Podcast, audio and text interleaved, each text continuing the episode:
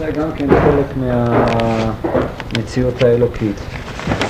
כלומר, בעוד שאנחנו אה, תופסים את העולם, אה, האני שלנו, אה, כאיזושהי אה, ישות בעלת קיום עצמאי, העולם פועל לפי חוקיו שלו, האני פועל לפי אה, בחירותיו שלו, אה, וכן הלאה.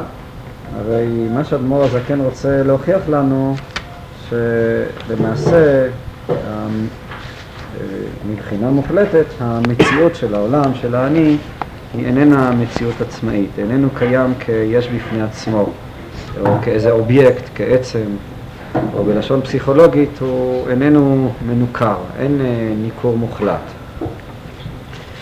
אה, למשל, אם נקרא מספר שורות, כשהוא אה,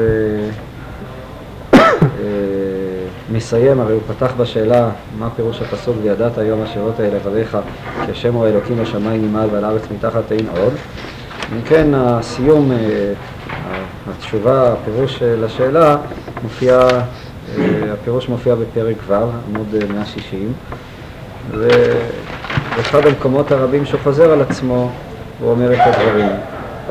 ואם כן, ממילא תדע שבשמיים ממעל ועל הארץ מתחת אין עוד פירוש, שגם הארץ החומרית, שנראית יש גמור לאין כל, היא עין ואפס ממש לגבי הקדוש ברוך הוא. כי שם אלוקים אינו מעלים ומצמצם אלא לתחתונים, ולא לגבי הקדוש ברוך הוא. כלומר, שם אלוקים הוא מעלים מהפרספקטיבה של התחתונים, אבל מהפרספקטיבה האלוקית, אז אין כאן צמצום באמת, מאחר שהוא, הוא שמו אלוקים אחד, ולכן גם הארץ ומתחת לארץ הן עין ואפס ממש לגבי הקדוש ברוך הוא, ואינם, ואינם נקראות בשם כלל, אפילו בשם עוד, שהוא לשון טפל, כמאמר הז"ל, יהודה ועוד לקרא, וכגוף שהוא טפל הנשמה וחיות שבתוכו וכולי. וכך הוא ממשיך ומסביר שאפילו המשל של נשמה וגוף איננו מתאים אה, לנמשל שהוא היחס בין האלוקות, הכוח האלוקי, לבין אה, העולם. אך באמת, אני ממשיך באמצע עמוד פ"א, אין המשל דומה לנמשל כלל. כי הנשמה והגוף הם באמת נפרדים זה מזה משורשם, כלומר הם שתי ישויות נפרדות. כי אין התהוות שורש הגוף ועצמותו מנשמתו, אלא מטיפות אביו ואמו, וגם אחרי כן אין גידולו מנשמתו לבדה, אלא על ידי אכילת ושתיית אמו כל תשעה חודשים, ואחר כך על ידי אכילתו ושתייתו בעצמו. מה שאין כן השמיים והארץ שכל עצמותה ומאמרותם נתהווה מאין ואפס המוחלט, רק בדבר השם ורוח פיו יתברך, וגם עדיין ניצב דבר השם לעולם ושופע בהם תמיד בכל רגע, ומהווה אותם תמיד מאין ליש, כי התהוות האור מהשמש וכולי וכולי. רק שאין הן גבורתה במידת הגבורה והצמצום להסתיר ולהעלים החיות השופע בהם. אם כן, זה אה, למעשה הנקודה העיקרית שהיא אה, חוזרת ואותה הוא מוכיח בפרקים האלה. גם העולם, גם מידת הגבורה, אה, אין עוד, היא איננה מציאות עצמאית שעומדת בפני עצמה. וזה גם המושג של הייחוד. הרי שוב, הפרקים האלה הוא סוגר את המעגל. הכותרת של כל שאר ייחוד והאמונה הייתה להבין מעט מזער את העניין של ייחוד העילה וייחוד התתה. והמושג של הייחוד הוא למעשה פירושו אה, אותה אה, מציאות שההוויה בשורשה האלוקי. ההוויה איננה, היא קיימת באלוקות. כן, אותה תפיסה, נאמר, שבלשון הפילוסופית, התפיסה הפנתאיסטית, או ביתר דיוק הפן-אנתאיסטית. פנתאיסטית זו תפיסה שמזהה את הטבע עם האלוקות, ופן-אנתאיסטית היא תפיסה שתופסת את הבריאה, את הטבע, באלוקות. כלומר, איננה עושה חפיפה מוחלטת כמו נאמר הפנתאיזם נוסח שפינוזה שמזהה את אלוהים עם הטבע או עם חוקי הטבע, אלא האלוקות כלולה וקיימת בשורשה. לכמה נעמוד קצת יותר מה בעצם, מה המשמעות של הדברים, מה זה אומר, למה זה כל כך עקרוני וחשוב אצל אדמו"ר הזה כן ההבחנה הזאת, שהרי מה, כפי שאמרנו, למעשה התפיסה הזאת היא מוגדרת אצלו כמצוות האמונה, זה בעצם הדתיות. כל דתיות אחרת היא למעשה איננה נחשבת uh, בעיני אדמו"ר הזקן כדתיות uh, ממשית, כדתיות אמיתית. כלומר, לא האמונה באלוקים לכשעצמה היא חשובה בעיניו, אלא האמונה, האמונה בכך של באין עוד מלבדו. היא בעצם אה, הביטוי של הדבקות הדתית של בכלל, של מה שאנחנו קוראים כדתיות. אבל לפני כן רציתי קצת לעמוד באמת על המושג של ייחוד התתה וההבדל בין ייחוד התתה לבין אה, ייחוד העילה. מבחינה טכנית, אה, ייחוד התתה וייחוד העילה הם אה, שילוב של שם הוויה באדנות, שכפי שהוסבר כבר, שם הוויה הוא אותה בחינת, העין האלוקי שמהווה את המציאות, כוח הפועל בנפעל, השורש של, של הוויית המציאות,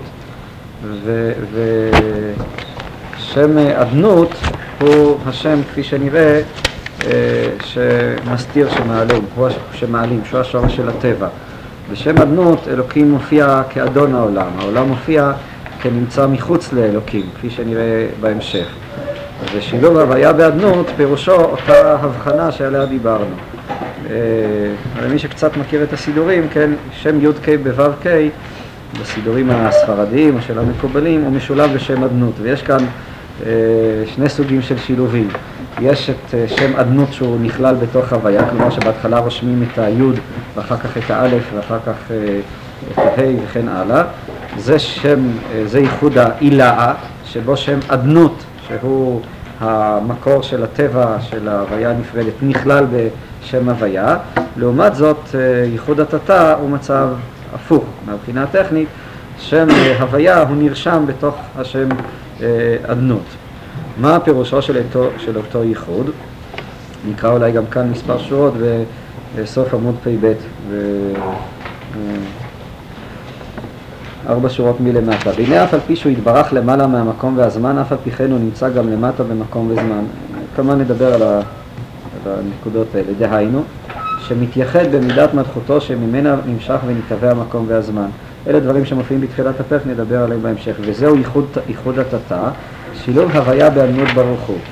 דהיינו שמהותו ועצמותו יתברך הנקרא בשם אינסוף ברוך הוא, מלא את כל הארץ ממש, בזמן ובמקום, כי בשמיים ממעל ובארץ ולדלת סיטרין, הכל מלא מאור אינסוף ברוך הוא בשווה ממש. כך הוא בארץ מתחת כמו בשמיים ממעל ממש. כלומר, מה שאנחנו תופסים שהארץ והשמיים הם שתי מציאויות נפרדות, התפיסה הזאת איננה נכונה. כמו שהוא בשמיים ממעל, כך הוא בארץ מתחת. כמו בשמיים ממעל ממש, כי הכל הוא בחינת מקום הבטל במציאות, באור אינסוף ברוך הוא המתלבש בו, על ידי מידת מלכותו המיוחדת בו יתברך. מזכיר לי, אני אומר את זה קצרה קצת בשביל uh, לעורר אתכם, את, uh, אולי הזכרתי את זה כבר פעם, אני לא זוכר מה הזכרתי ולא, שפעם שאלו את uh, טולסטוי אם הוא יודע אם יש אלוקים בשמיים. אז הוא אמר שאם יש אלוקים בשמיים הוא לא יודע, אבל זה שבארץ יש הוא בטוח. אז זה ביטוי מסוים שאפשר לתפוס אותו, כלומר, אני מתכוון לומר שהאמונה, אדם יכול לתפוס אותה בתוך המציאות עצמה. מי שמתבונן היטב במה שמתרחש בעולם, מה שמתרחש בארץ, הוא לא צריך אה, להפליג עד אה, לא בשמיים זה לא נאמר רק על התורה, בפרספקטיבה הזאת שאנחנו אומרים, אלא גם על בכלל המציאות אה, האלוקית, שהיא לא רק בשמיים, אלא כמו שהאדמו"ר הזה כן אומר כאן, היא בשמיים ממעל ועל הארץ מתחת אה, באותה מידה. רק שמידת מלכותו היא מידת הצמצום וההסתר להסתיר אור אינסוף ברוך הוא שלא יבטלו המקום והזמן וכולי. אם כן, ייחוד התתה, אה, הייחוד בכלל פירושו אותה הבנה שלמעשה הבריאה היא איננה קיימת לעצמה, אלא האור האלוקי, החיות האלוקית, המציאות האלוקית, היא למעשה קיימת אה, בכל המציאות כולה. מה ההבדל בין ייחוד העילה לייחוד התתה? אני מתמקד כרגע בנקודה הזאת. האדמו"ר הזקן בפרק הזה לא מסביר, הוא מסביר רק את ייחוד התתה, הוא לא מסביר את ההבדל בין ייחוד העילה לייחוד התתה. אני אנסה אולי להסביר את זה. בחב"ד אה, מבחינים בין אה, ביטול היש לביטול במציאות, או דעת עליון ודעת תחתון. אה, באופן אה, פשוט נוכל לומר שבייחוד התתה האדם תופס את התובנה שעליה דיברנו, של אין עוד מלבדו, הוא תופס את זה בכלים של, ה... של, של התודעה האנושית.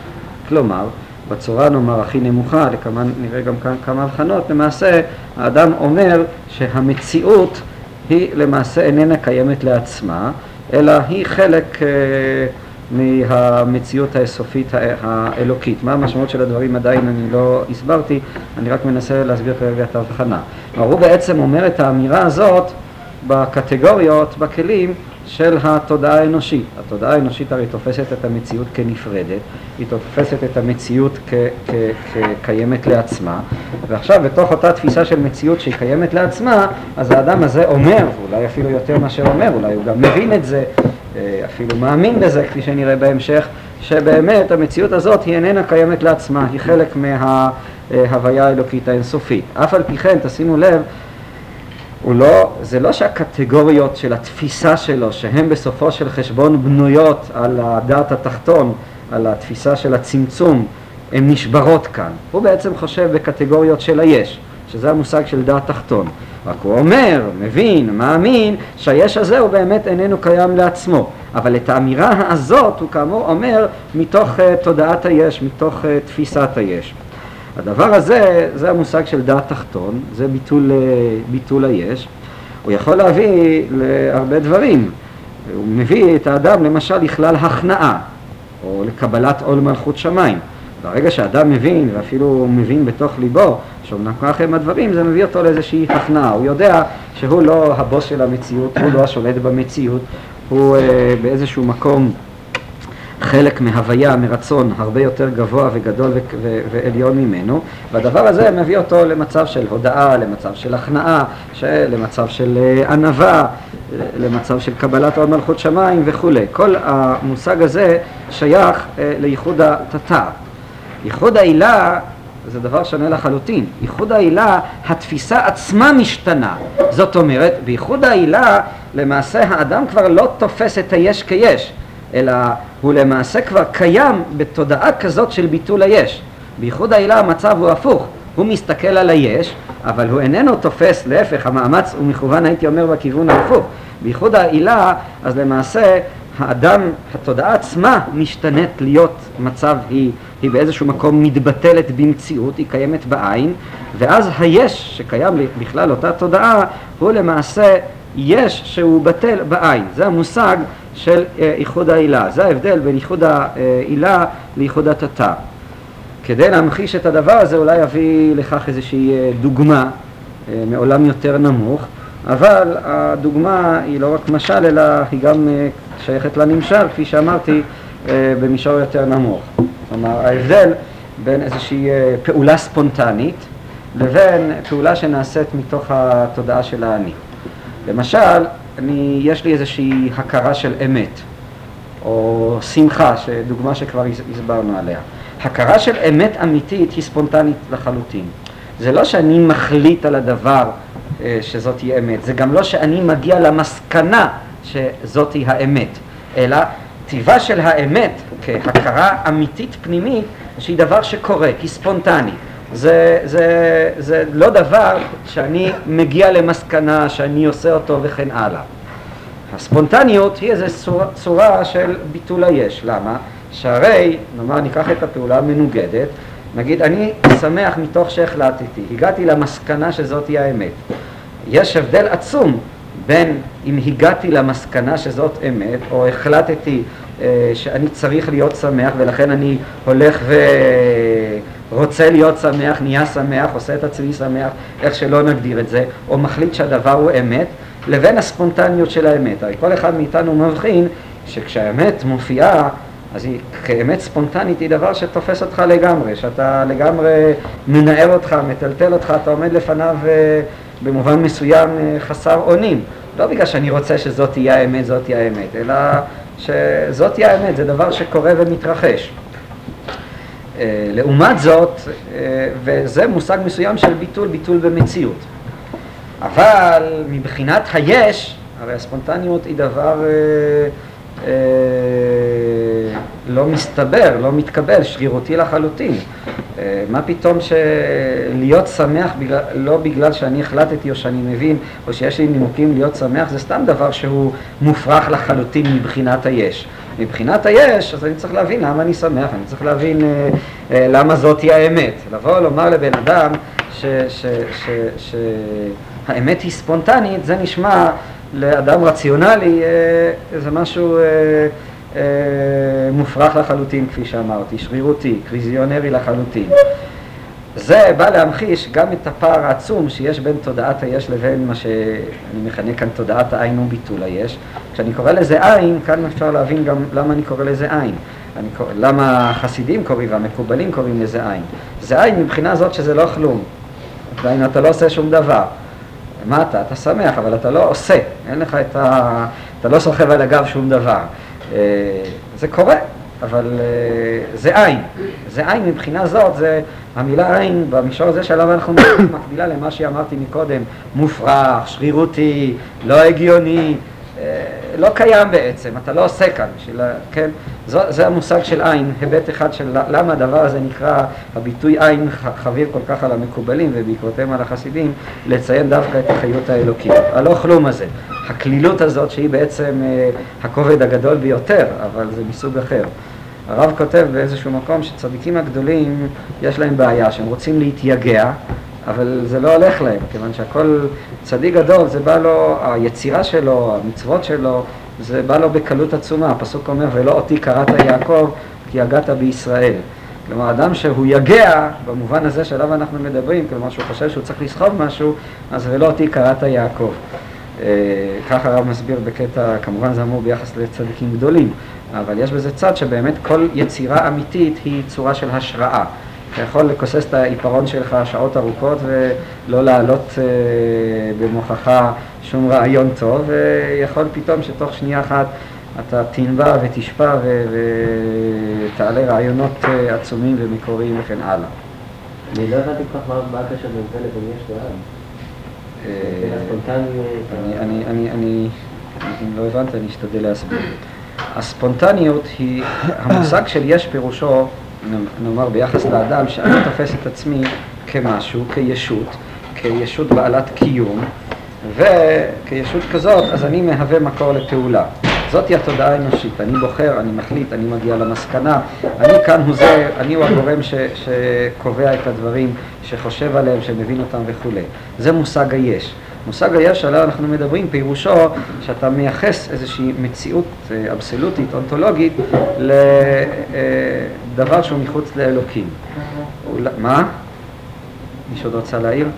אולי באמת בזה אני קצת נכנס, הדבר הזה מנוגד למי שרוצה להעיר שיהיה בקול. מה הקשר בין זה שאני מגיע למסקנה האונתולוגית שמשהו חייב? לא, זה הבסיס של הפעילות או של התודעה שאני מגיע למסקנה. אני, בשביל שתהיה כאן מסקנה צריך שאני אגיע למסקנה, שאני אדע את הדבר, שאני אהיה מודע לו, שאני אבין מה הסיבות ומה הנימוקים וכן הלאה וכן הלאה. הספונטניות כתנועה שממילא היא אומרת שלא אני עושה את זה. מה קורה כאן? איך אני יכול להבין אמת שלא אני שקלתי אותה, שאינני מבין את סיבותיה? איך אני יכול להיות שמח בלי סיבה? הרי להיות שמח אני צריך סיבה. זאת אומרת, יש כאן אני, האני הזה כמקור לפעולה, הוא כמובן צריך להבין למה הוא עושה את מה שהוא עושה, הוא צריך לעצמו סיבות ונימוקים וכולי וכולי. כל זה בנוי על מושג או על תפיסה שמכונה כאן כ- כיש, כתודעת היש. אה, כנ"ל ביחס לעולם, כפי שגם אה, נראה בהמשך. הספונטניות היא מצב הפוך, היא מצב שלא בו אני עושה את הדברים, מבחינה זאת אני פסיבי לחלוטין, וזה במובן מסוים כל תפקידי. כל תפקידי, נאמר בנוסח החסידי, זה רק לא להפריע. כלומר, לא לבלום את אותה ספונטניות. אה, והבלימה של הספונטניות היא מתוך התפיסה של עצמי כישות, שהיא נחשבת, אה, אה, היא נתפסת במונחים של עבודה זרה, של בחירה וכולי וכולי. זה בעצם התפיסה של הדברים. זאת אומרת, המחשבה, והיא לא רק מחשבה, זה לא רק דימוי, זאת אופן מסוים של הוויה, או קלקול של הוויה, שאני יש, הדבר הזה הוא למעשה ביטוי של היפרדות מהמציאות האלוקית. היא ביטוי של כפירה באינסופיות האלוקית. מה המשמעות הבעל התניא כל הזמן מדבר על זה שאדם צריך כן, כל הזמן מילה שחוזרת עצמו כל הזמן התבוננות, התבוננות, התבוננות. עכשיו אם אני לא קיים, אם כל השאיפה זה להגיע לזה שאני לא אהיה קיים, כל המושג של התבוננות סותר אה, נוגד את אה, המושג הזה אתה יכול להקשות קושייה יותר קשה, אה, מה אנחנו בכלל עושים כאן. מה, אתה מבין? זאת שאלה טובה, אבל בסדר, אולי נדבר על זה גם בהמשך, אבל אני כרגע ב... אני... לא, לא נסטה כרגע מה, מהנושא שלנו. אני רציתי להסביר כאן את, ההבדל בין איחוד העילה לאיחוד התתה. לכמן אני, אני, אה, אה, אה, אני, אני אחדד קצת יותר את הדברים. אני מקווה שעכשיו זה קצת יותר ברור. ש... מה? זה, זה המושג של, של עין, וכמובן גם נראה מה, מה, מה עניינו. מכל מקום, הייחוד התתה הוא כאמור, עדיין אתה נמצא בתודעת היש, ומתוך תודעת היש אתה אומר מילים, אמירות שהן בעצם פועלות נגדה. אתה אומר היש לא קיים, אבל את כל זה אתה אומר במונחים ובתודעה של יש. זאתי הייחוד התתה. זה יותר גרוע. מה? זה יותר גרוע. למה זה יותר גרוע? זה יכול ליצור, כפי שאמרתי, קבלת עול מלכות שמיים. כשאני מקבל עליי עול מלכות שמיים, אז אני מקבל עליי עול. אני הוא משהו נפרד מהעול, אני והשמיים הם שני אלמנטים נפרדים, אבל יחד עם זה, ה, הייתי אומר, ה... ה אה, אני שכחתי קטן את? הביטוי, מכל, מה?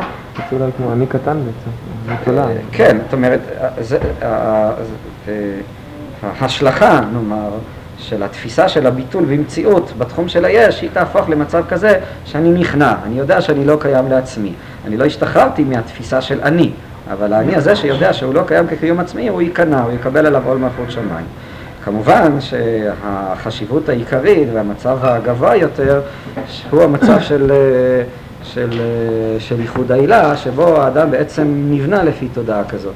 אני רוצה קצת לקרוא כמה שורות מרב צודיק שהוא אה, מסביר את זה בספר הזיכרונות, אה, בעמוד 58, אחד הספרים של רב צודיק, הוא מסביר את זה בצורה מאוד אה, אה, יפה. הוא מבחין אה, את שני המושגים הללו של איחוד העילה ואיחוד התתה, הוא מזהה עם מעשה בראשית ומעשה מרכבה. אה, מעשה מרכבה, הוא מגדיר אותו כ- כאיחוד העילה, שהיא גם השגת הנביאים. כלומר, למעשה, איחוד העילה זה כבר תפיסה נבואית, אה, אם תמצא לומר תודעה מיסטית. היא איננה התודעה האנושית הרגילה. ולעומת זאת, אה, מעשה בראשית הוא בעצם התפיסה של הבריאה, אבל אנחנו מבינים שהקדוש ברוך הוא ברא את הבריאה. נקרא אולי גם אה, כמה שורות מכאן. אה, ממליץ לקרוא את זה, כתוב בצורה מאוד אה, ברורה וחדה. וביאור זה כי מעשה מרכבה או איך השם יתברך רוכב עליהם נבראים, על כל הנבראים כולם, גם אחר שנברא העולם כקודם. וזהו ייחוד, ה, ייחוד הנקרא בזוהר ייחוד העילה, רצונו לומר, מצד ההתעלות הכל לאלוקות גמור, שהשגתו הגמורה אינו אלא לנביאים כיחזקאל והדומה. אם כן, ההשגה הזאת היא בעצם ההשגה הנבואית. ההשגה הנבואית, אז הייחוד הזה הוא לא נתפס באופן חיצוני, אלא הוא נתפס, הוא הופך להיות הממשות עצמה. ויש עוד ייחוד התתה, שאמרו בזוהר שעל זה אומרים פסוק ברוך שם כבוד מלכותו לעולם ועד אחר שמע ישראל, ורצונו לומר השגה תתה מעניין הייחוד. וההשגה היא בדרך כלל ידיעת כבוד מלכותו יתברך. זה גם כן נראה שהרעיון הזה קשור לרעיון של המלכות. מכל מקום, בצורה פשוטה, כבר כהקדמה, נוכל לומר שכשאלוקים מופיע כמלך, הוא מופיע מבחינת הייחוד התתה. כל התפיסה, נאמר, של אלוקים כמלך, כמלך שמולך בעולם, היא כבר תפיסה מפוצלת. היא תפיסה שמעמידה את האני כגורם אחד ואת המלך כגורם נפרד, והיא אומרת, אלוקים הוא מלך העולם. אה, או בצורה יותר קיצונית, למעשה אין מציאות חוץ ממנו, אבל הדבר הזה נתפס כאמור מתוך תודעת היש. וזה כלל כל מעשה בראשית שהוא הכרה איך כל הנבראים מעשה השם נדבך לכילוסו והוא כבוד מלכים חקור דבר. יש כאן נקודה מאוד אה, אה, מעניינת נוספת, שרב צודיק מדבר על סתרי תורה ועל הפולמוס אם ללמוד קבלה או מותר ללמוד קבלה או אסור ללמוד קבלה, הוא אומר הבחנה מאוד, אה, אה, אה, אה, מאוד מעניינת. הוא אומר שמה שנקרא ספרי תורה זה בעצם בבחינה של איחוד העילה. זאת אומרת, כל הבעיות והאיסורים והסכנות שיש בלימוד קבלה זה בבחינה של איחוד העילה. זה נאמר כבוד, כבוד אלוקים אסתר דבר. אבל על איחוד התתה, על זה לא נאמר, אה, על זה, זה לא המושג של בעצם האמיתי של לימוד קבלה, וגם על זה לא קיימים כל האיסורים ו, ו, ו, של לימוד, והסכנות שיש בלימוד הנסתר. אה, הוא מביא את הדוגמה, זה עצות טובות, מה זה? מה, מה שרב צדיק אומר? לא, לא. כשאתה מתכוון, כשרב צדוק מתכוון לומר שכל מה שקשור ל- לייחוד התתאה, כן? אותו לימוד קבלה שקשור לייחוד התתאה, הוא לא מסוכן. למה הוא מתכוון? איזה דברים? מה הסכנה בייחוד העילה? לא. איזה דברים הוא מתכוון בייחוד התתאה? אני לא מבין. הדבר הזה למשל שאנחנו מבינים שהקדוש, כשאתה, נאמר, כשאני כאן אומר אין עוד מלבדו, זה לא ייצור כאן בעיות פסיכולוגיות אה, לצערי לאף אחד. למה? משום שאנשים יבינו את זה בשכלם, אולי זה יעורר בהם גם איזו הרגשה פנימית מסוימת, אבל זה לא יפוצץ אה, את האני שלהם, זה לא יגרום לאיזה שינוי אה, מהותי, לאיזה שינוי אונתולוגי. כלומר, יכולים לתפוס את זה, ואולי אפילו לתפוס את זה באופן חד, שזה יאיר להם, אבל אה, אין לי ציפיות ואפילו, נגיד, אין לי גם חששות ש, ש, שזה ייתפס באופן ממשי, משום שכשזה נתפס באופן ממשי, אז זה באמת מלווה בסכנות, זה, זה, זה מפחיד, זה פתאום מראה לו לאדם באופן מוחשי שהוא לא, שהוא לא כלום כפשוטו, שהאשליה שהוא עושה, פועל וכולי, היא, היא למעשה רק אשליה, והדבר הזה הוא גם מפחיד, ובצד מסוים הוא עלול לגרום למישהו שהוא לא מוכן לכך, למישהו אפילו שהוא לא אמיץ מספיק, אה, באמת אה, לגרום לו בעיות אה, פסיכולוגיות קשות ביותר. אבל הדברים ידועים גם מבחינה היסטורית, שהחסידות בדורות הראשונים, כשהייתה עוד חסידות, היום זה לא אותה חסידות, אז היו בעיות, אנשים היו משתגעים. זאת אומרת, אלה שבאמת עבדו על הנושא הזה של אין עוד מלבדו, הדבר היה באמת גורם שאנשים היו יוצאים מדעתם כפשוטו. ועל זה נאמר, זאת מכל מקום הסכנה וגם האיסור אה, של, של, אה, של, אה, של העיסוק בדברי קבלה. את זה הוא מבחין באמת בין מעשה בראשית לבין אה, אה, מעשה מרכבה. אבל כל, כל דרך אה, ייחוד ההילאה היא מוכרחה לעבוד דרך התתאה, לא? אני מסכים איתך. לכן אה, מוכרחים אה, אה, לעבוד דרך ייחוד התתאה, ואי אפשר להגיע לייחוד ההילאה בלי ייחוד התתאה. זאת אומרת שמקבלים כבר את ההכשרה לייחוד ההילאה במילא, כשאדם מצליח להתעדכן מבחינה קבלית בייחוד התתאה. אה, להתעדכן מבחינה פנימית, כן. פסיכולוגית. בסדר, אם הוא נתקע מבחינה פנימית, אבל אם האדם מנסה להגיע לזה שלא לא כשהוא מוכשר כל דרך צורכו, קצרה וארוכה. כן, נגיד אם הוא לא אמיץ מספיק, אז האדם כזה, נקודה מאוד מעניינת הנקודה הזאת של האומץ. הרמב"ם אומר גם ביחס לנביאים, אחת התכונות שהרמב"ם בפרקי הנבואה אומר ביחס לנביא, שהוא צריך להיות אמיץ. והאומץ הזה, זה באמת, זה, כיוון שאדם עומד מבחינת התודעה האנושית שלו, אז הוא באמת עומד כאן מול אה, פחדים חזקים ביותר, אה, מול פחדים של מוות, ואם הוא לא אמיץ מספיק, אז זה באמת אה, ממוטט אותו. אה, אה, יש כאן נקודה נוספת שרב צדיק מדבר עליה, שגם היא אה, חשובה להבין את זה. הוא אומר שישנה גם איזושהי דרגה ממוצעת בין שתי ההשגות הללו. השגה אחת שהוא מגדיר אותה כהשגת הנביאים, וגם השגת, השגת הארי הקדוש.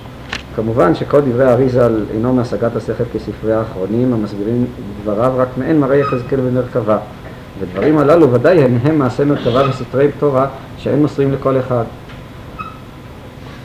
ומכל מקום כבר התירו פרושים הדבר להדפיסם ולפרסמם, ואין בדבריהם דבר ברור מה שהתירו לעצמם וכולי. זה הדיון של עולם המותר, אה, איזה ספרים מותר.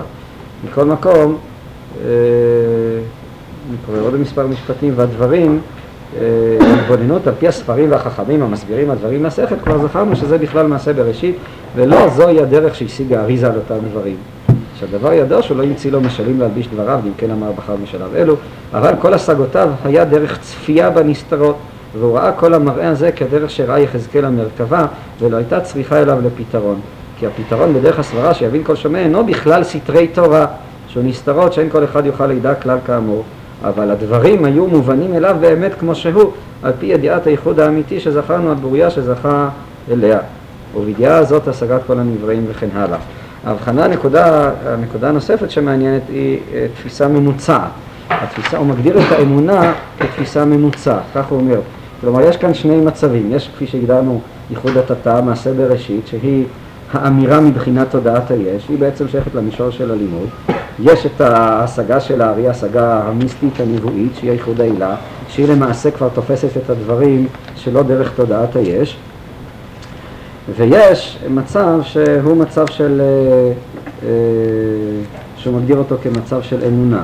המצב הזה של אמונה, אז אה, אגב, גם ביחס לאיחוד התתא אומר שישנו, דרך האיחוד התתא מפעם לפעם הדבר איכשהו מנצנץ לך. ומצד זה יכולים להתבונן כרגע בייחוד האמיתי גם כן שזכרנו, אף על פי שאינו משיג הדבר לאמיתו ממש דרך ראייה, רק דרך לבוש המלוכה שמשיג. אז הוא אומר שבכל זאת אם האדם אה, אה, מאמין בדבר, האמונה, הוא מגדיר אותה כממוצע בין אה, שני ה, ה, ה, הייחודים הללו, כשמתוך האמונה עצמה אז יכולה להתנוצץ גם ההשגה של, ה, של הייחוד העילה. אה, מה טיבה של האמונה? האמונה מצד אחד, אה, כי גם זה נקרא מאמין בייחוד דרך אמונה, המסור לכל אחד, שאפשר להשיגו על פי תורה שהוא כאין אמצעי בין שתי דרכי השגות הייחוד שזכרנו כמו שנתבאר. מה הוא מתכוון כאן? הייחוד העילה, כפי שאמרנו, מחייבת איזושהי טרנספורמציה של התודעה, והיא גורמת לראייה בלתי אמצעית של הדבר. לעומת זאת, האמירה החיצונית מבחינות מסוימות היא כמעט חסרה, חסרת משמעות.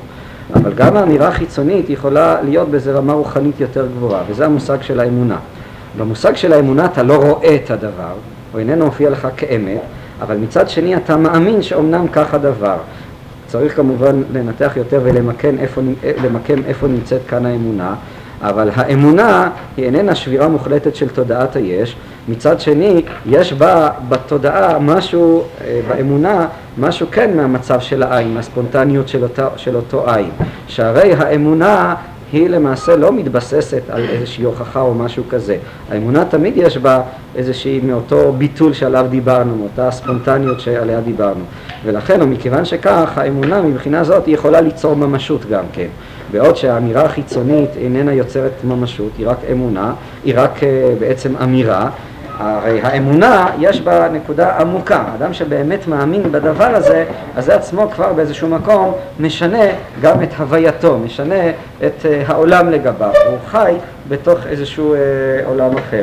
ולכן, או זאתי אולי הנקודה החשובה, הנקודה החשובה במה שאנחנו לומדים היא לא רק שנדע את הנוסחה של הדברים, אלא באיזשהו מקום נוכל ליצור, הייתי אומר אפילו לדמיין לעצמנו שחזור של העניין. אם אתה מסוגל, כלומר עליך לחשוב אה, אה, איך הדבר נראה, או איך אני יכול לראות את הדבר הזה, או איך אני יכול לחוש את זה. כשאדם מתרכז במחשבה הזאת, זה יכול לעורר בו איזושהי הרגשה או תפיסה או אפילו השגה הרבה יותר ממשית, שבסופו של חשבון היא למעשה החשיבות העיקרית של העניין ולא ההבנה החיצונית שלו. כן. איך ייתכן בייחוד ההילאה אמיתי, בלי שזה מיד, מיד עוברים אליו להיות טעם, את הטעם אמיתי בלי שמיד עוברים אליו לאיחוד העילה. דבר נוסף, איך אדם יכול להיות קיים באיחוד העילה? לא דיברנו על זה שבעצם, איך איזה אדם, אה, אפשר להגדיר את זה ככה, מתפוגג, איך אדם בכלל, איזה קיום יש לאדם העילה? אה, לגבי השאלה השנייה, איחוד התתא, זה יכול להיות אפילו ברמות הנמוכות, שאדם יבין היטב בשכלו, יסתכל על דבר מבחוץ, הוא מבין את ההבדל בין ספונטניות ללא ספונטניות, הוא יכול אה, לנתח, את, ה- לעשות אנליזה של היסודות שעומדים בבסיס של ההתנהגויות אה, השונות הללו, להבין את זה, אבל את כל זה הוא מבין בצורה לא ספונטנית, את כל זה הוא מבין בשכלו, הוא יכול אפילו להבין את זה כהבנה אפילו יותר אה, עמוקה. ככל שההבנה יותר עמוקה, באיזשהו מקום היא גם תחולל בו שינויים פנימיים, תחולל בו כל מיני רגשות וכן הלאה וכן הלאה.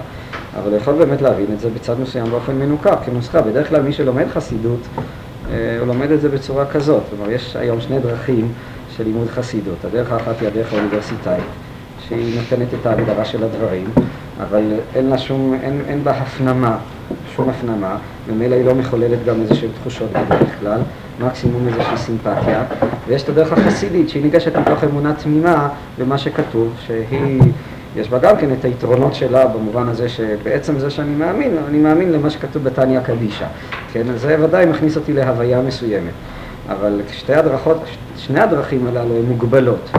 א', שני הדרכים הללו הם לא מבינים את זה מאותה נקודה שהאדמו"ר הזקן הם מבינים את זה.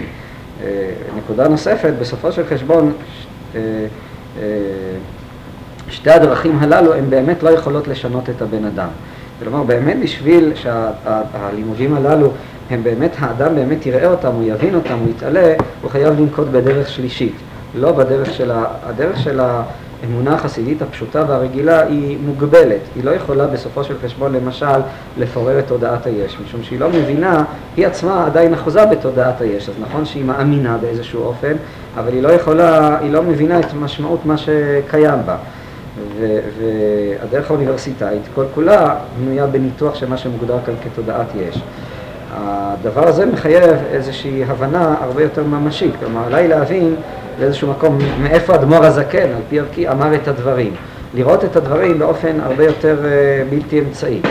וכשאני רואה אותם באופן בלתי אמצעי, אז זה מחולל את אותם דברים שאדמו"ר הזקן רוצה שהם יחוללו. כלומר, זה מביא, כפי שנראה בהמשך, לדבקות, לראייה אלוקית הרבה יותר מוחשית אה, וכן הלאה. זה ביחס לשאלה הראשונה שלך. בשתי הדרכים הראשונות שהרב מתאר אותן, החסידית והאוניברסיטאית, עכשיו קוראים זה גם כן ייחוד לקרוא לזה... אתה יכול להגדיר את שניהם באיזשהו מישור, כמובן ישנם הבדלים של רמות וכולי, אבל באיזה מישור שעדיין מוגדר כייחוד התתה, לפחות בהגדרות שעליהן אנחנו מדברים. שזה בעצם אומר שאתה עדיין קיים בתודעת היש שלך, אלא התודעת היש הזאת היא יכולה להבין את הדבר, היא יכולה אפילו לקבל עליי עול, היא יכולה להביא את האדם להכנעה פנימית, היא יכולה ליצור רגש דתי מסוג מסוים. איזה סוג של דתיות שהיא בעצם הסוג שאנחנו בדרך כלל אה, מגדירים אותו כדתיות, אבל הייתי מגדיר את זה שמה שאדמו"ר הזקן רוצה, הוא רוצה להביא לתודעה הרבה יותר גבוהה. כלומר, הייתי משתמש במונחים שהרב משתמש למשל באורות, בהבדל בין אה, האידאה האלוקית לבין האידאה הדתית. אז אה, האדמו"ר הזקן רוצה להביא אותנו לאידאה אלוקית, או לתודעה הרבה יותר גבוהה, לתודעה קוסמית נכנה אותה, אלוקית. אה, ולעומת זאת התודעה הדתית הרגילה היא בעצם הקרנה, השלכה, השלך של התודעה הקוסמית הזאת במונחים אה, דתיים, במונחים של אה, יראת שמיים ודבקות. יש בה כמובן את העומק שלה ואת החום שלה ואת החיות שלה, אבל יחד עם זה, זה אגב באמת ההבדל בין החסידות בתחילתה לבין החסידות המאוחרת.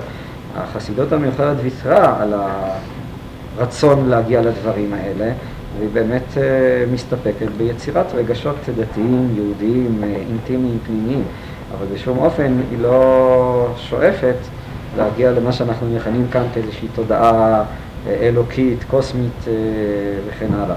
דווקא במובן זה הרב קוק הוא זה שחידש את הרצון ואת המטרה, כמובן לא מאותה פרספקטיבה של החסידות, להגיע לדבר הזה. לנקודה הזאת. מה שהרב מדבר עכשיו זה עדיין ברמה של ייחוד התודעה. זאת אומרת, אני לא מבין, אם בן אדם מגיע בייחוד התודעה לרמה של קנייה מלאה, אם נותנים את זה עד הסוף, אז הוא בעצם, זאת אומרת, בעצם הסוף של הסוף של... אבל ייחוד הוא לא, הוא לא כניעה, ייחוד העילה אין בו כניעה. כשאדם הוא מאוחד עם אלוקים באיזשהו אופן, הוא לא נכנע. הרי על זה בדיוק מסבירים, מסבירים בחב"ד, למה אומרים ברוך שם כבוד מלכותו לעולם ועד בין שמע ישראל לבין ואהבת. משום שאחרי שמע ישראל אתה כבר לא יכול להגיד ואהבת. ואהבת זה כבר יש מי שאוהב. אין כאן שום דבר. לכן אתה צריך את ייחוד התתה כדי שמתוכו תגיע ל"ואהבת". זאת אומרת, הרגשות הדתיים הם, הם שונים, העולם הדתי הוא שונה, ההוויה הדתית היא שונה מההוויה האלוקית, היא הוויה הרבה יותר גבוהה, הרבה יותר קוסמית. התרגום של ההוויה הזאת, במישור הדתי, הוא בא לידי האפיונים הדתיים של כניעה, של קבלת עול, של שפלות נפש, של הודאה שיש את הקריאה וכן הלאה וכן הלאה. יראת שמיים, אני לא בא חלילה לזלזל בזה. אני אומר שקנייה מוחלטת היא בעצם מבטלת כל התודעה, לא תיתכן תודעה עם קנייה מוחלטת גמורה לגמרי. בסדר, אבל אז זה אומר שזה גם לא קנייה, היא מבטלת, את ה... היא מבטלת גם את הקנייה עצמה, היא מבטלת גם את עצמה. בעצם לא תיתכן תודעה ייחוד התודעה ברמה הכי גבוהה. רמה גבוהה זה ייחוד העילה. הייחוד התתה זה עדיין אדם שומר על מעמדו כי יש מי שאוהב, כי יש מי שנכנע, כי יש מי שירא. עכשיו, אם היא תמצא את עצמה, אז היא תתנדף, אז היא תבטל גם את היש שלה. אבל אז היא כבר לא תהיה, במובן מסוים, טוב, אפשר לדבר על זה הרבה, על המושגים השונים הללו. ההבדל בין האדם, ההבחנות הללו נמצאות למשל גם במערב. בין מה שהוא מגדיר כמידת הפשיטות לבין מידת שפלות הנפש או הענווה או הכניעה. המצב הגבוה הוא מידת השפלות. לאדם יכול להיות קיום? לאדם יש קיום? זה חוזר לאותם פרדוקסים שדיברנו עליהם. יש, יש לו קיום, אבל לא במובן של מה שאנחנו קוראים כקיום. זאת אומרת, מבחינת מה שאנחנו קוראים כקיום, אז הוא לא קיים. אבל זו אמירה שבצד מסוים היא חסרת משמעות. זאת אומרת, היא אפילו מטעה. כשאני אומר יש לו קיום, אבל זה כמו נמצא ולא במציאות של הרמב"ם. אז מה, מה הרמב"ם אומר? אם נמצא, אז, אז, אז נמצא, נמצא ולא במציאות מה זה, זה מין אה, סתירה והיפוכו. זה בעצם אותו מובן, או אותה תשובה לשאלה שאתה שואל. כבר הזכרנו את הדבר כן, אבל הזה. השאלה אם אפשר להגדיר כזה מציאות כאדם זאת אומרת, הוא נמצא, אבל לא כאדם. בסדר, מה אתה אומר כאן? הוא נמצא ולא נמצא. מה, מה אתה אומר כאן? אה, אתה אומר כאן, אפשר, אפשר להשיג את זה בהבנה פנימית, אבל אי אפשר להבין את זה במונחים האנושיים, וייתכן שזה אפילו חסר משמעות ואפילו אה, מטעה בצד מסוים. עד עכשיו אה, לכאורה עסקנו בייחוד התתאה, אולי נעבור לייחוד העילה, אולי מישהו יספר לנו איך מרגישים שם קודם כל. דבר שני, אולי הרב יספר לנו אה, באמת מה ידך שם. אנחנו מדברים על זה כמושגים אה, אינפורמטיביים שאפשר לתייק אותם ככה, הדק היטב. אני רוצה לשמוע את הדרך לשם. בסדר, אתה יוצא מתוך הנחה, בשביל שמישהו יספר לך איך מרגישים שם, אתה צריך למצוא מישהו שהיה שם. נכון. אני לא הצהרתי את עצמי. ככזה. טוב, אני מוסר כאן הצהרה שאני לא יכול, אה, אה, לא הצגתי את עצמי ככזה. אני מניח שלכולנו יש פוטנציאל כזה. מכירים את הסיפור שהסבא ידע לעשות מופת אה, והאבא ידע לעשות מופת ב... על ידי תפילה, והבן הוא יודע רק לספר מזה שהאבא ידע לעשות מופת. זאת אומרת, אה, הוא עושה מופת בזה? שהוא יודע לספר. זה התוספת של הסיפור, אנחנו עוד פחות. לא, זה בסיפור, ככה זה מופת זה זה שיודעים לספר סיפור, זה גם כן מופת. טוב, בואו נמשיך הלאה. אה, אדמו"ר הזקן אה, גוזר את הדברים או מוכיח אותם מתוך, אני רוצה לדבר על זה, אני בוודאי לא, אשתדל לא להסתפק רק באמירות חיצוניות, ואני מקווה שזה לא רק אמירות חיצוניות, אבל אה, מצד שני אני גם לא, אני לא חושב שמישהו יש לו כאן איזושהי יומרה לצאת מתוך השיעור הזה, מתוך שתהיה לו איזו השגה במובן אה, שעליו מדובר כאן, אה, כן, מה אתה מצפה, שמה, שאנשים יגיעו כאן להשגת הארי הקדוש או להשגת יחזקאל הנביא, מה, זה מה שאתה אומר, מה שאתה, לפחות אה, נבין באיזשהו אופן מה, מה טיבה של אותה השגה, הבנה פנימית, שוודאי יש לה חשיבות, היא יכולה אפילו לתת איזו הברקה, איזושהי הערה, היא יכולה לתת אולי משהו יותר חזק מזה. אדמו"ר הזקן מכל מקום אה, לומד את הדברים, הוא גוזר אותם מתוך שני שיקולים שהם אחד. אם אנחנו רואים כאן בכמה וכמה מקומות, הוא חוזר כל הזמן אה, אה, על כך שבעולם האצילות אז יהיו וגרמו אחד, וכיוון שיהיו וגרמו אחד, כלומר הוא ומידותיו אחד, אז ממילא אה, גם מידת הגבורה, שהיא מידת הצמצום, היא גם כן חלק מהעצמות האלוקית, מהאינסוף האלוקי. אה, דוגמה אחת בפרק ה' בעמוד פ', אה, והנה על זה אמרו בזוהר דלעילא בסתרא דקדושה אלה אית ימינה ואית שמאלה, דהיינו חסד וגבורה. פירוש דשתיהן הן מידות אלוקות למעלה משכל הנבראים והשגתם, דאיהו וגרמו אחד בעולם האצילות. אם כן, כיוון שהוא ומידותיו, אי אפשר לדבר על הקדוש ברוך הוא אה. באיזושהי שניות בפעילות האלוקית. כיוון שכך, אז ממילא גם הגבורה היא חלק מאותה אה, אחדות אלוקית, וגם הצמצום הוא חלק מהאינסוף. כך הוא חוזר בכמה מקומות בתחילת פרק ו', בפרק ט' וכולי וכולי. הניסוח השני הוא ניסוח אחר וזה מאוד מעניין איך שזה נכנס כאן. הוא בעצם ניסוח פילוסופי. הרמב"ם משתמש בדברים שמזכיר את המורה נבוכים, את הרמב"ם, ומשתמש ברמב"ם כמובן באופן אה, שהרמב"ם עצמו היה מתנגד לדבר, להוכיח את, אה, את אותו ייחוד שעליו הוא מדבר. אה, נקרא את הדברים בפרק ז', עמוד 164.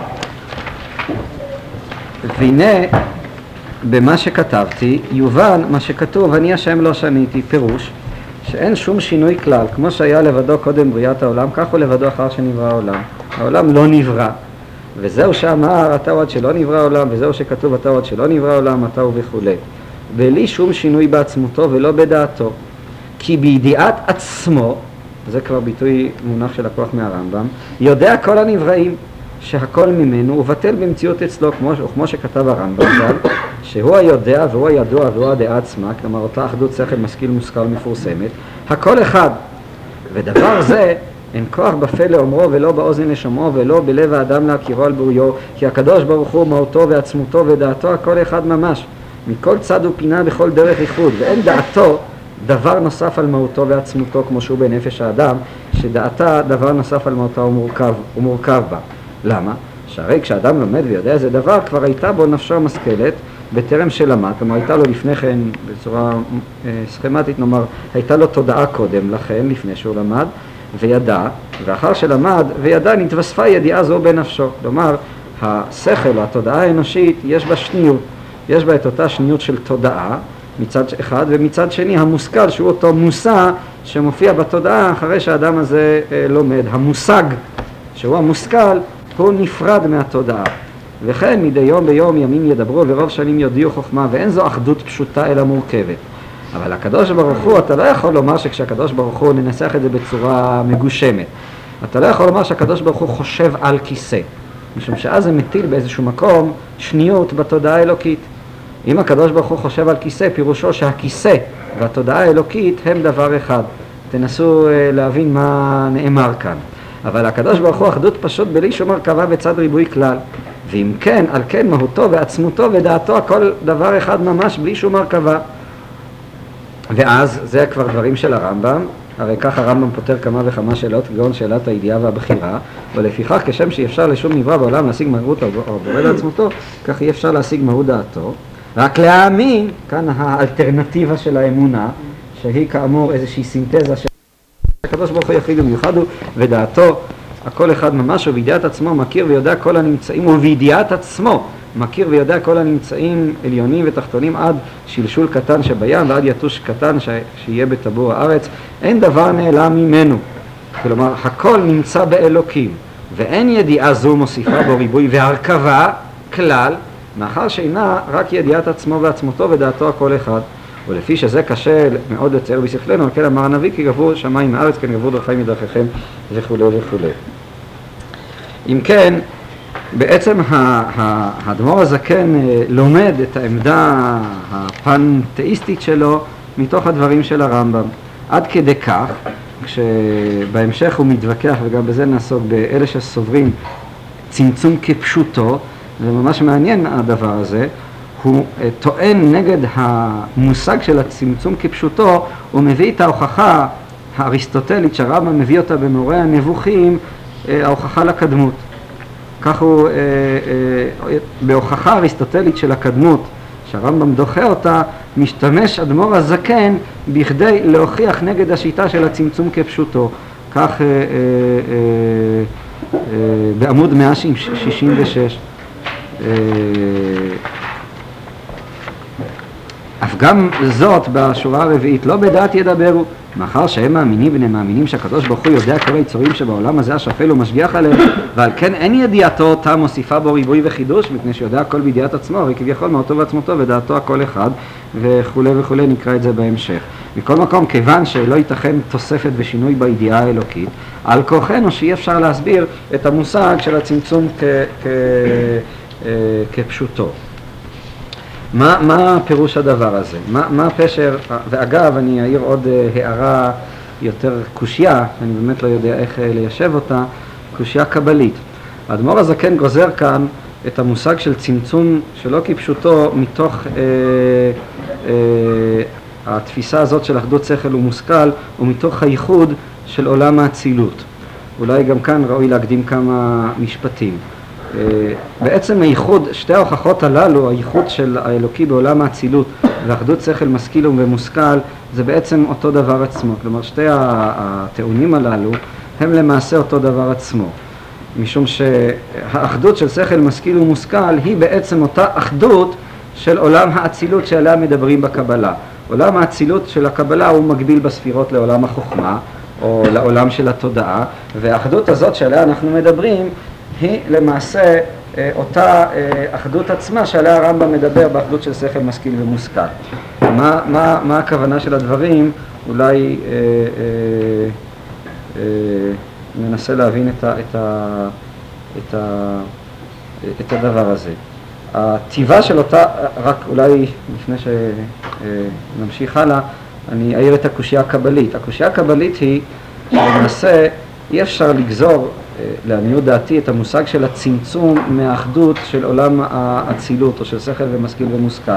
משום שלפחות במפה הקבלית הצמצום הוא עוד הרבה לפני עולם האצילות. אדמו"ר הזקן עצמו מאיר את זה לקמן. לקמן בפרק ט' הוא מאיר שהצמצום הוא עוד שייך ל, ל, ל, בהגעה שלו, הוא מאיר שהצמצום עוד קודם הרבה לעולם האצילות. האצילות באה אחרי הצמצום. ואז השאלה היא איך, איך אה, זאת שאלה מתודית, אבל לא רק, היא בעצם שאלה קבלית בצד מסוים, איך אפשר להוכיח את הצמצום מתוך עולם האצילות. אני באמת חושב שאדמו"ר הזקן הוא רק משתמש במה שאנחנו יכולים להבין באחדות של עולם האצילות כדי להוכיח את הצמצום, אבל בסופו של חשבון הצמצום הוא מושג שונה מאותה אחדות שאותה אנחנו הולכים לתאר של אה, עולם האצילות או של החוכמה.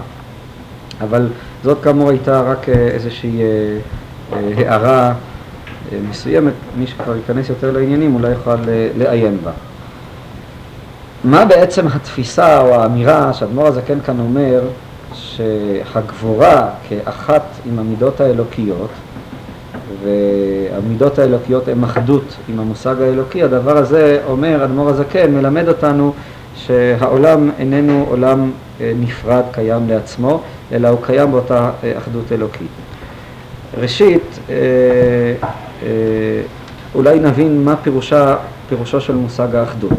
מה שאדמו"ר הזקן בעצם אומר לנו כאן, שהמהות של העולם, או הישות של העולם, שמבחינה אונתולוגית, היש של העולם הוא יש אחדותי, ולא יש אה, שניותי, לא יש מפוצל.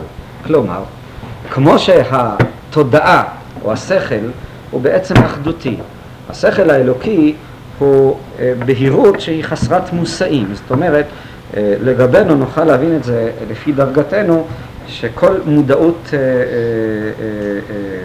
כל מודעות שהיא, במידה שהיא מודעות, אז היא למעשה אקט אחדותי. מה פירוש היא אקט אחדותי? היא דבר כזה שבעצם הבהירות שיש בו, מה שהופך אותו לכלל מודעות, איננה איזה משהו מושאי מבחוץ, אלא השקיפות שלו, השקיפות שיש בתודעה, היא שקיפות פנימית. טהורה לחלוטין. כשאני אומר פנימית, פירושו של דבר שתודעה מוחלטת היא תודעה חסרת מושאים, או המושאים הם קיימים בה עצמה. למשל, כשאתה מבין משהו בצורה כזאת או אחרת, אז ההבנה איננה מחשבה על הדבר. זה לא שאני חושב על הדבר, ככל שאני יותר חושב על הדבר, כך הדבר הוא פחות שקוף. זה קשור לאותה עמימות של אין מלך בלא עם, שעליה הוא מדבר בפרק ז', גם את זה נראה בהמשך. השקיפות של הדבר היא מתגברת והולכת ככל שבעצם אתה לא חושב עליו, אלא הדבר הוא מתנהר לך. הדבר הוא מקבל את שקיפותו כאיזושהי שקיפות, דווקא אם אין באותה אה, אה, אה, תודעה אה, שניות, או אין באותה תודעה פיצול. היא, היא, היא, היא איננה מושאית. האחדות האלוקית, אה, אה, החוכמה האלוקית היא חוכמה כזאת שהמושג של החוכמה בכלל בצורתו המוחלטת היא חוכמה שמקבלת את בהירותה, את שקיפותה, לא, אין, אין בה מושאים. אם היו בה מושאים, אה, הדבר הזה הוא פשוט גם להשגה. מושאים באיזשהו מקום הם כמו דברים אטומים שמופיעים לך באמצע התודעה. אם נתאר לעצמנו את התודעה כאור, אז זה שיש מושאים בתודעה, זה בעצם יוצר איזושהי אטימות בעצם התודעה עצמה, ולכן התודעה שלנו בדרך כלל, כיוון שאיננה תודעה אחדותית, כיוון שאיננה שכל בפועל, אלא שכל בכוח כפי שהרמב"ם מדבר אותו, משום כך התודעה שלנו אף פעם אנחנו לא מגיעים לכלל בהירות מושלמת. אנחנו מרגישים את ההכה הזאת הרבה, כשאנחנו, הרבה פעמים כשאנחנו לומדים גמרא למשל, שאנחנו לא מסוגלים להגיע לכלל בהירות מושלמת במה שאנחנו לומדים, וזה נובע מעצם המבנה של התודעה שלנו, שהוא כאמור שכל בכוח ולא שכל בפועל. אבל מצד שני, בכל תודעה שהיא, גם בתודעה חלקית יש בה את הצד של האחדות.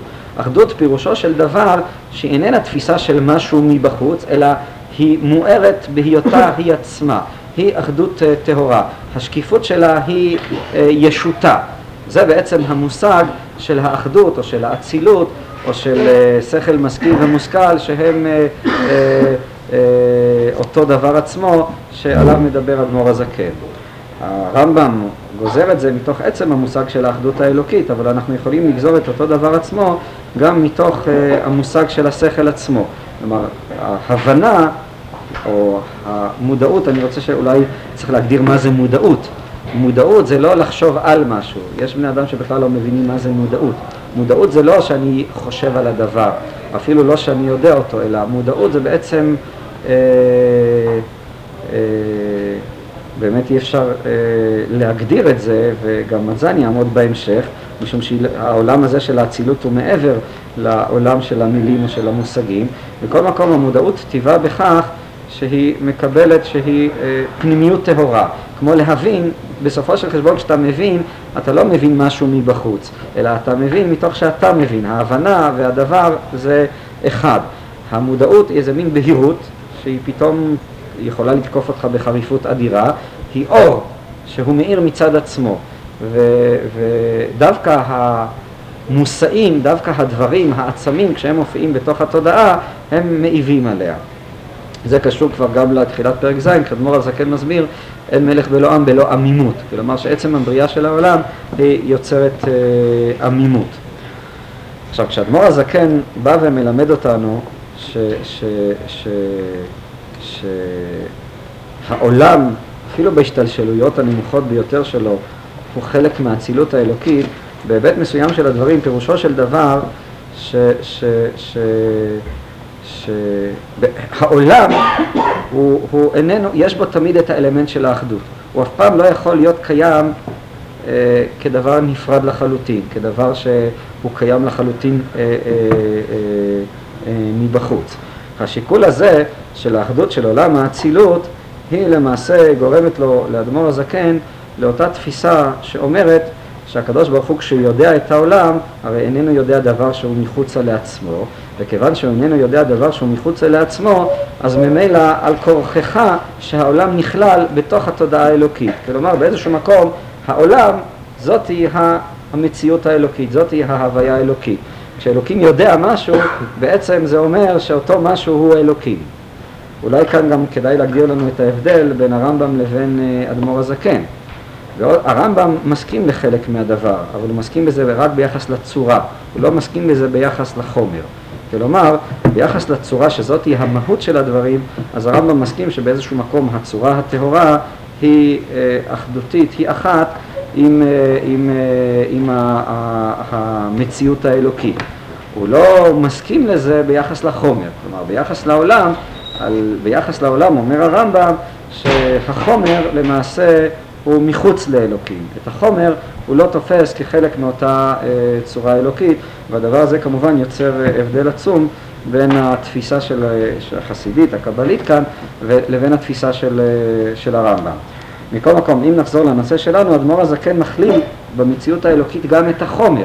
כלומר, גם החומר הוא בעצם חלק מאותה, הייתי אומר, המהות האונתולוגית של החומר היא למעשה מהות אלוקית, שפירושה שגם החומר הוא בעצם פנימיות, שגם החומר הוא בעצם אחדות, שגם החומר הוא דבר שאיננו קיים כדבר מנותק, אלא יש בו מאותה איכות אלוקית שהיא כאמור איכות שקיימת אה, אה, בתוך עצמה, שהיא קיימת, אה, שהיא חומר אה, של פנימיות טהורה, אם ננסח כך את הדברים. זה בעצם המובן או המשמעות של מה שהאדמו"ר הזקן אומר כאן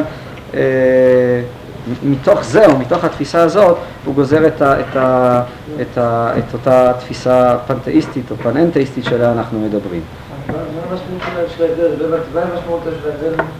מסתכל בחומר גם כן כחלק מה...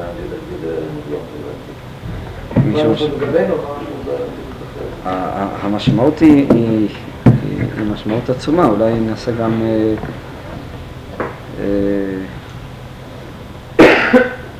קצת אה, לדבר על הדברים האלה. מה אולי באמת, אה, כיוון שעסקנו קצת ביום מופשט, אז את הדקות הבאות אה, ננסה לראות מה המשמעות של הדברים, מה זה בעצם אומר, למה זה כל כך חשוב.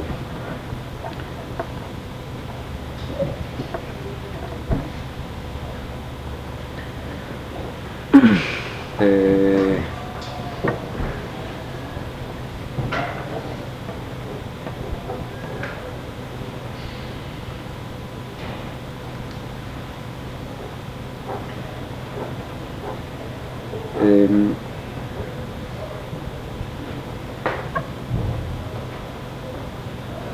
למה כל כך חשוב לו לאדמו"ר הזקן לשבור את, ה...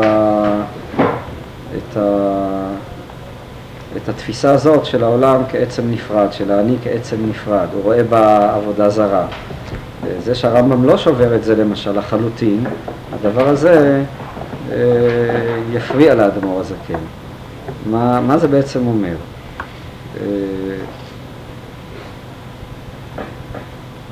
מבחינת עבודת השם, מבחינת אה, בכלל ההוויה של האדם.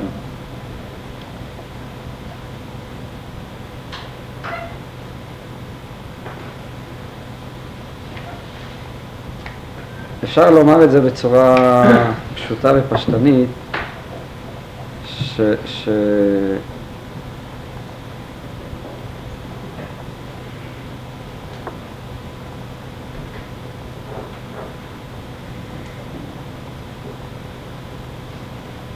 שכל מושג הדבקות שהחסידים רוצים אה, אה, להגיע אליו או להשיג, להשיג אותו, הוא בנוי על הנקודה הזאת.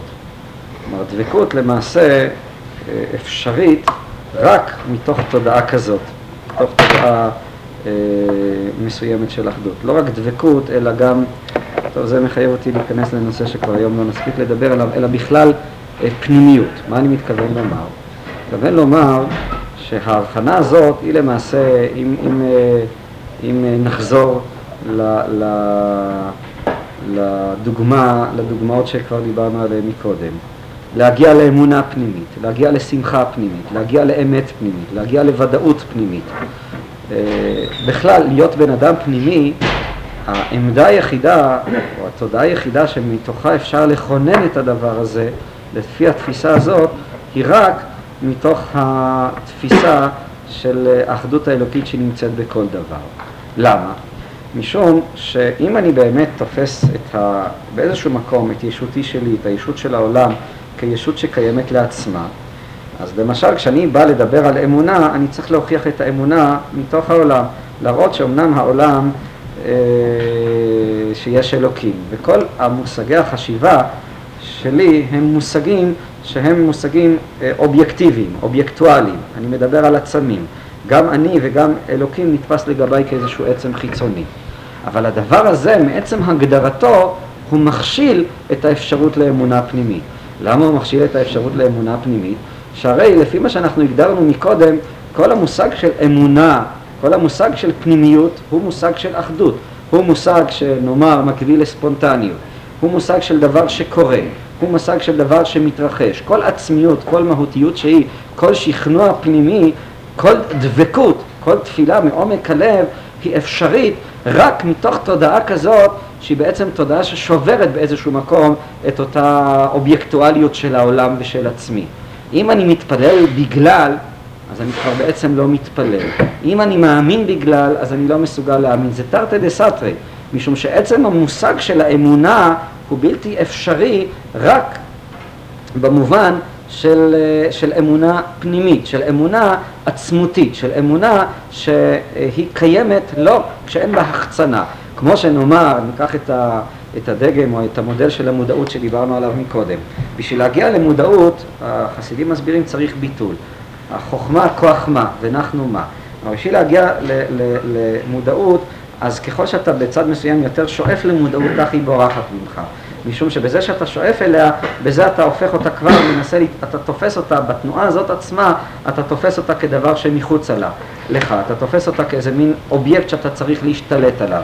ואז באיזשהו מקום, בזה עצמו אתה עושה את התנועה שפורכת את עצם האפשרות שלך להגיע לכלל מודעות. התנועה האמיתית היא תנועה של ביטול, היא לא תנועה של אה, אילוץ וכוח רצון, היא דווקא תנועה של אה, הרפייה, היא תנועה של פסיביות. באיזשהו מקום, ככל שאני תופס את עצמי כפחות פועל, כך אני בעצם נהיה יותר. כך באיזשהו מקום אני הופך יותר אה, להיות. זה אומר מבחינה פסיכולוגית פשוטה, ש, ש, שבשביל להגיע לאמונה בצד מסוים אתה צריך לוותר על, ה, הייתי אומר, על הרצון שלך לתפוס את האמונה. ואז אתה נפתח כלפי מצב שהוא מצב של דבקות, שהוא מצב של אמונה. המצב הזה עצמו הוא בעצם נתפס כאחדות עם הקדוש ברוך הוא. הדבר הזה עצמו, הוא משחרר את האדם לכלל אה, פנימיות, לכלל דבקות פנימית, לכלל עבודה פנימית. הרי מה שבעצם החסיד חיפש, מה, הוא, מה, מה בעצם החסיד מחפש? החסיד מחפש שעבודת השם שלו, שהרגשות שלו, שהדיבור שלו יהיה דיבור אמיתי מבחינה פנימית, דיבור שהוא משוכנע בו, דיבור שהוא מזדהה איתו, דיבור שהשכנוע יהיה שכנוע אימננטי.